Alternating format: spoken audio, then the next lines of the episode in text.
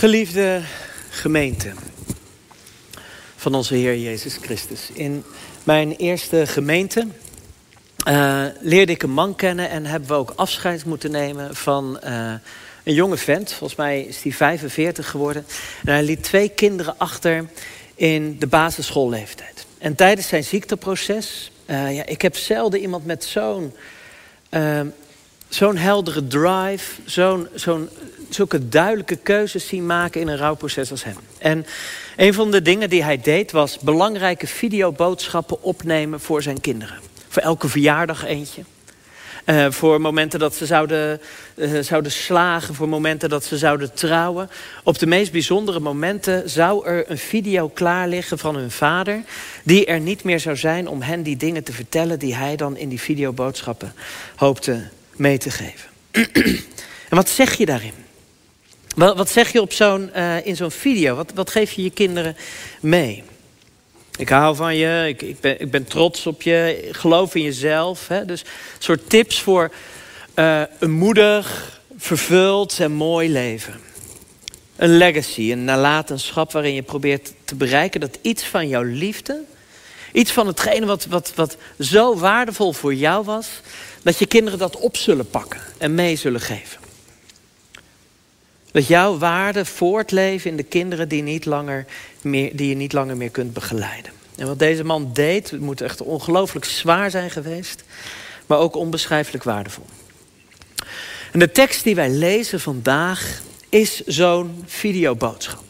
De videoboodschap van Jezus voor zijn leerlingen. Er is een groot gedeelte van het Johannes-evangelie is eigenlijk Jezus' afscheidsspeech. De dingen die hij nog wil meegeven voordat het einde komt. De dingen die hij nog wil, wil zeggen. dus, uiteindelijk laat hij ook zijn Heilige Geest na. Dat, daar lezen we ook over in deze tekst. Maar hij wil ze ook nog zoveel inprenten, zoveel vertellen. En um, in, dit, uh, in het hoofdstuk wat we lezen, daar heeft hij het over heilige vriendschap. Dus hoe ben je vrienden met elkaar? Hoe doe je dat? Zo vrienden zijn in, in een wereld die niet van je houdt, die je soms haat. En hoe maakt dat dat je getuigt van Hem? We lezen met elkaar uit Johannes 15. Johannes 15 vanaf vers 12 tot en met 27.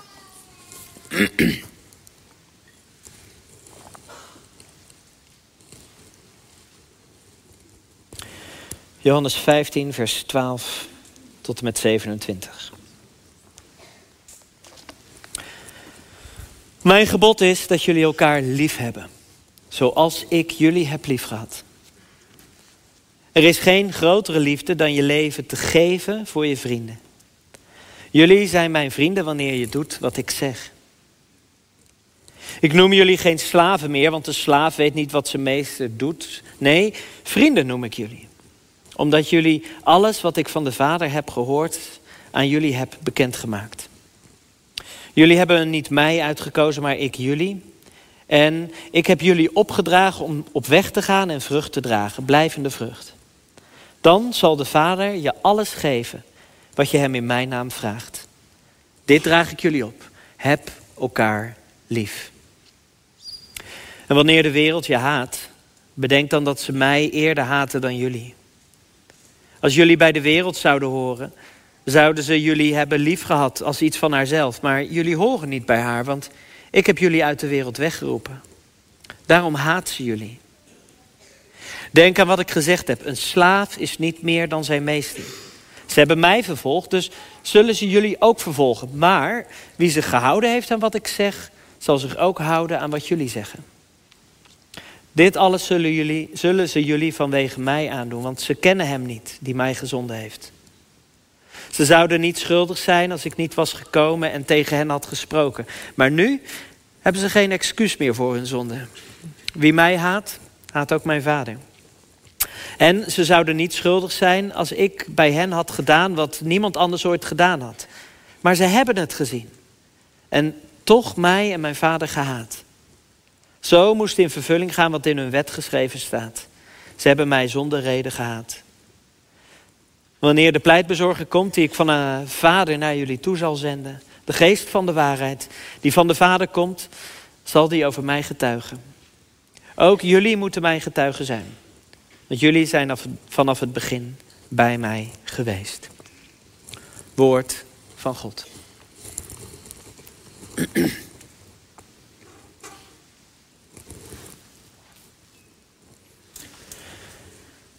We komen drie dingen op het spoor.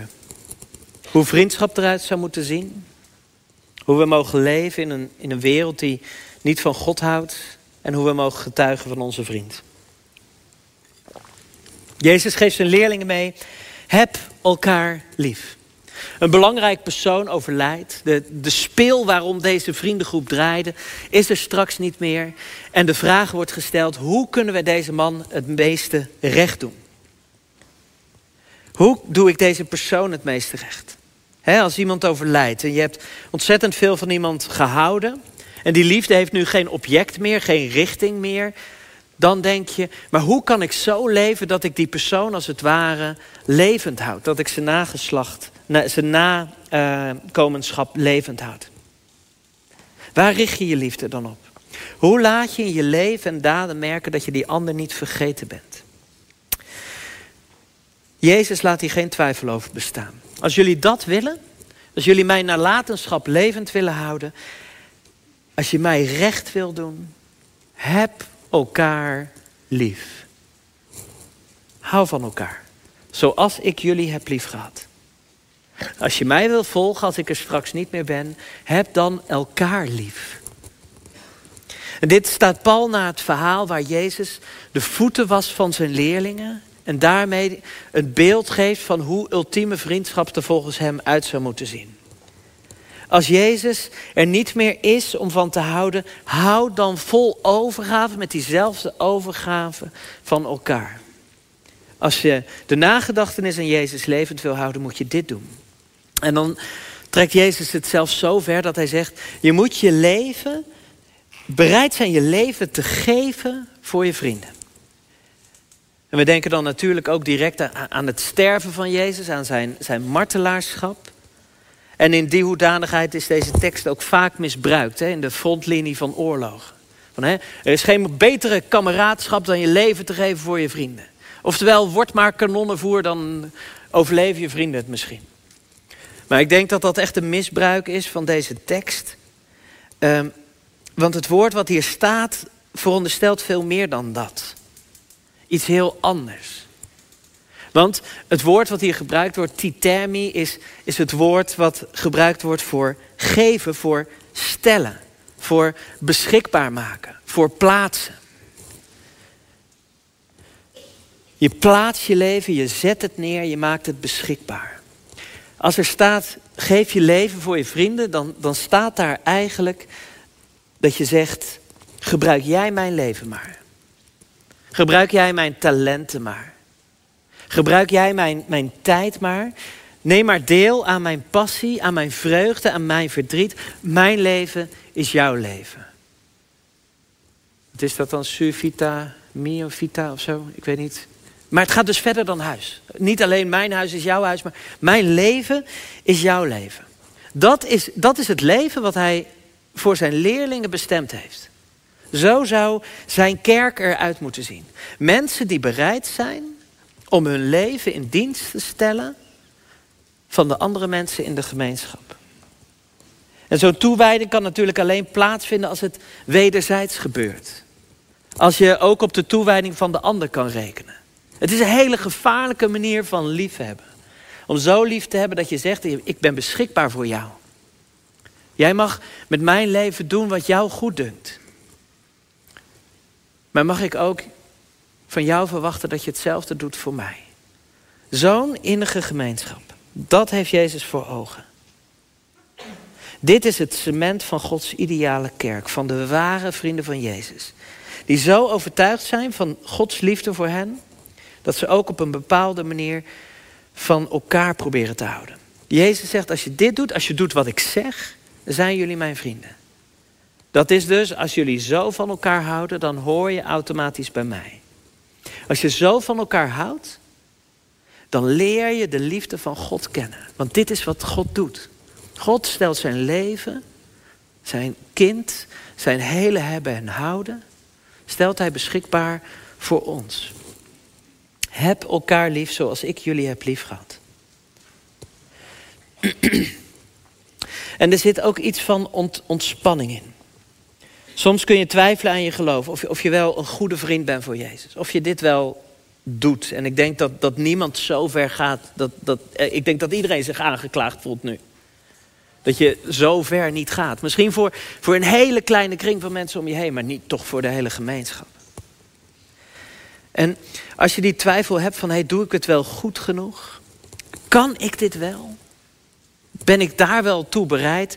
Dan zegt Jezus, jullie hebben mij niet uitgekozen, ik koos jullie uit. En ga in je hoofd die discipelen maar eens na met, met, met al hun, hun falen, alle verkeerde dingen. Judas zit hier in het midden. Petrus die, die oren afhakt zit hier in het midden. Dit is de vriendengroep van Jezus die ontzettend incapabel is om dit te doen. Uh, en toch zegt Jezus, ik heb jullie uitgekozen. Jullie hebben niet mij uitgekozen, ik heb jullie uitgekozen. En misschien herken je dit ook wel in je eigen leven. Dat het geloof niet enkel is wat jij voortdurend moet onderhouden, maar dat, dat er iets is, dat er iemand is, dat Jezus er is die je voortdurend toch weer terugtrekt. Dat je het misschien wel meermaals hebt geprobeerd om het, het los te laten. Dat je je woede hebt geuit naar God en dat er toch telkens weer zo'n sprankje van hoop, een goed woord van een vriend, iets liefdevols in je leven kwam dat je zei, en toch, en toch hoor ik bij Hem. Als je dat mag ervaren in je leven, dan komt er rust. Dan ben jij niet langer degene die je geloofszekerheid bewaart, maar dan is je geloof in handen van God.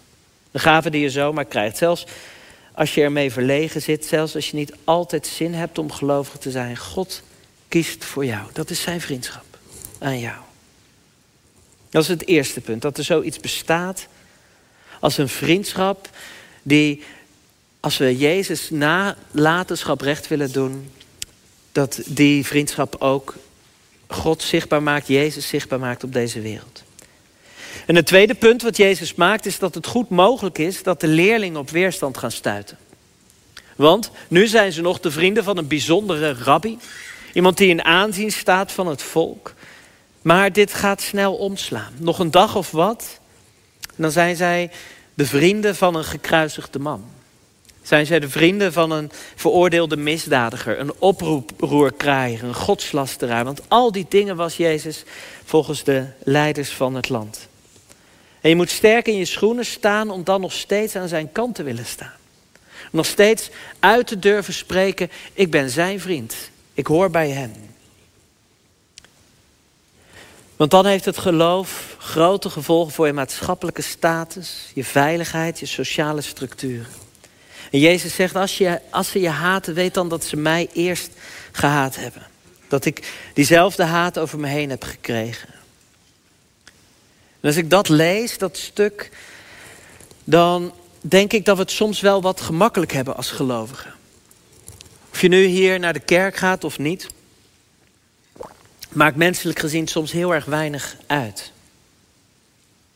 Als je je uitspreekt dat je bij Jezus hoort, dan kun je hoogstens rekenen op een, een flauwe grap.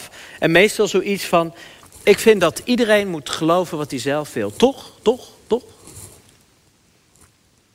Of, oh wat bijzonder om te horen dat je dat nog gelooft. Wat bijzonder. Het christelijk geloof is, is niet zozeer iets wat, wat erg op weerstand stuit. Maar het is wel iets leuks geworden. Wat leuk een oud ambacht. Ze kijken je aan alsof je nog klompen eh, produceert. Uh, of molenaar bent of zo. Dat is boeiend, maar absoluut niet relevant. Wat is de meerwaarde van een kerk? Wat, wat hè, ik heb ze laten zitten rekenen. Volgens mij is ongeveer, uh, ongeveer één van de dertig uh, mensen die in Vathorst wonen... komt in Kruispunt. Dus vrek te weinig, eigenlijk. Uh, wat, maakt nou, wat, wat is nou het verschil tussen. Waar, waar hebben wij die relevantie verloren? Die er hier zo duidelijk uitspreekt. En ik denk dat dat te maken heeft uh, met die vriendschappen. Dat wij vergeten zijn hoe belangrijk het is om vriendschappen te onderhouden als gelovigen onderling. Als leerlingen van Jezus. Dat wanneer wij zo'n toewijding zouden uitleveren als wat Jezus hier beschrijft in deze tekst, dat wij ehm, niet alleen, dat er niet alleen een ontzettende kracht vanuit zou gaan, maar dat het ook op weerstand zou stuiten. Dat mensen ook zouden zeggen: wat gebeurt daar? En dat wij vrienden worden die niet alleen samen in de kerkzaal zitten, maar die ook bij elkaar aan tafel zitten. Daarom steken wij ook zo in op die at-homes. Van word er nou lid van. En als je at-home niet loopt, trek aan de bel. Want dat is de plek waar we vriendschappen met elkaar ontwikkelen. Uh, vriendschappen die deze wereld zo hard nodig heeft. Vriendschappen van mensen die je, uh, die je niet natuurlijk zou opzoeken we hebben ook kringen waar, waar meer gelijkgestemden zitten. Misschien waar, we hebben bijvoorbeeld een jongvolwassenen kring of een alleen mannenkring. Uh, maar ehm, juist in het, in het samen zijn met mensen die je normaal niet zou opzoeken. Daar zit zo de kracht van de kerk. En daarin kunnen we denk ik nog een hele hoop groeien. En ik zeg niet dat je vrienden moet zijn met al die 1880 mensen die op dit moment in de kerk zitten. Met dank aan Redolf en uh, Annelies. Fijn dat jullie er ook bij zijn nu. Uh, maar misschien lukt het er met drie. Misschien lukt het er met, met, met, met je at home. Om dat soort vriendschappen te proberen. En dan het liefste nog mensen dus waarbij die vriendschap niet vanzelfsprekend is. De wereld staat in brand. De, de wereld heeft zo mensen nodig die bereid zijn om zich te verbinden aan mensen die niet op hun lijken. Om het uit te houden met elkaar. In een recent onderzoek, Growing Young, ja, zo recent is het niet meer. Inmiddels is er al een Nederlandse vertaling. Ik denk dat Vincenza in de tweede dienst zit. Ehm, in ieder geval, die heeft er ook aan mee eh, vertaald.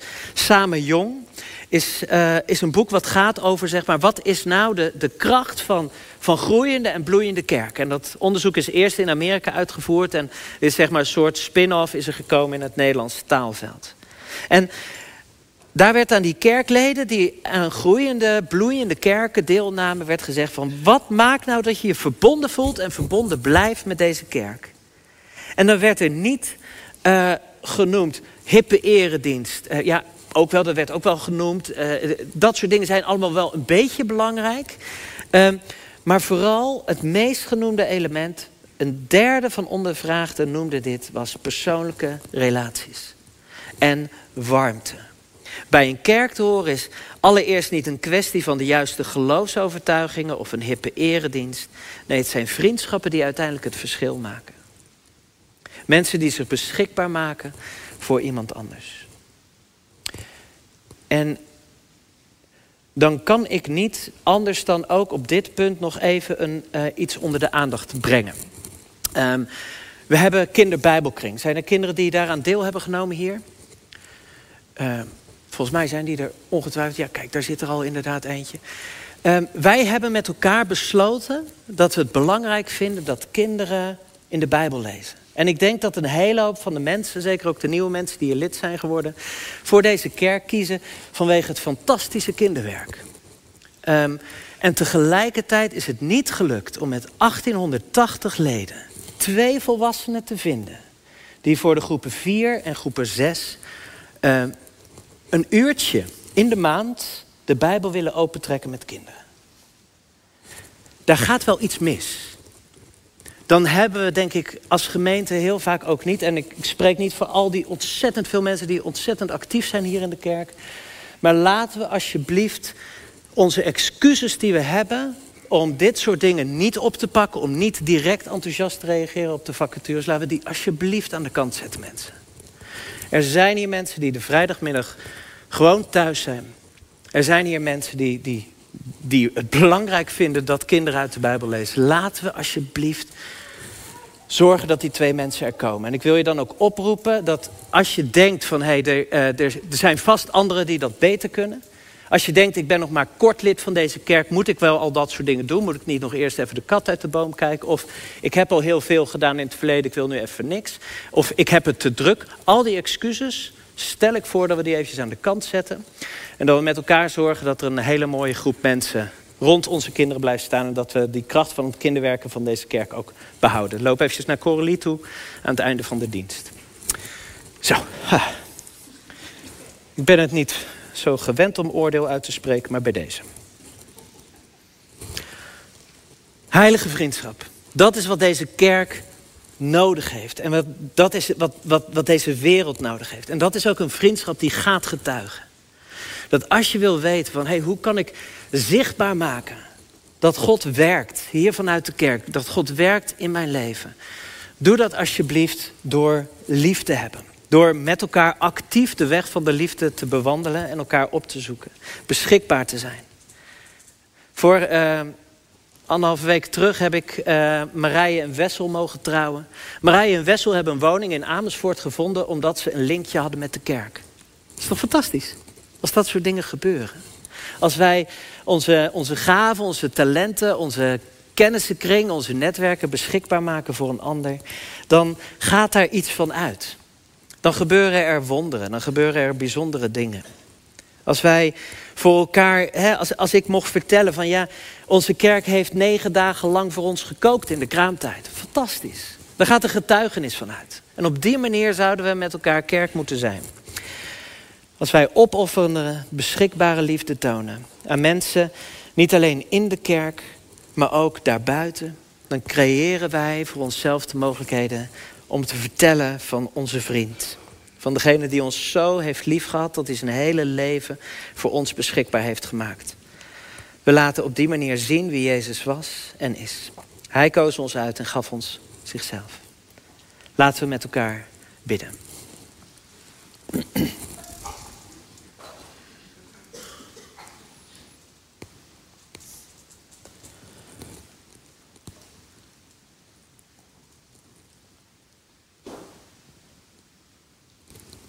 Heer, u bent liefde. U bent beschikbaar. U wil alles aan ons geven. En u daagt ons uit om meer en meer op u te gaan lijken. Vader, we komen bij u als kerk die daarnaar verlangt. Die verlangt naar, naar eenheid. Naar goedheid voor elkaar. Dat we niet achter onze voordeuren verscholen blijven hier in Vathorst, maar dat we met elkaar op de straten zullen zitten en aan tafel zullen gaan. Dat er iets zichtbaar wordt in ons als kerk van een vergaande vriendschap en een vergaande toewijding aan elkaar. En dat wanneer ons gevraagd wordt, waar komt het vandaan dat we kunnen spreken over uw toewijding aan ons? Heer, maak ons mensen van het kruis. Maak ons mensen van de tafel. Maak ons nieuw. Toon mijn liefde aan de ander. Dien de ander, zo heb ik ook jou lief gehad. Heb elkaar lief, wat er ook gebeurt. Dien de ander, zo heb ik ook jou lief gehad. Amen.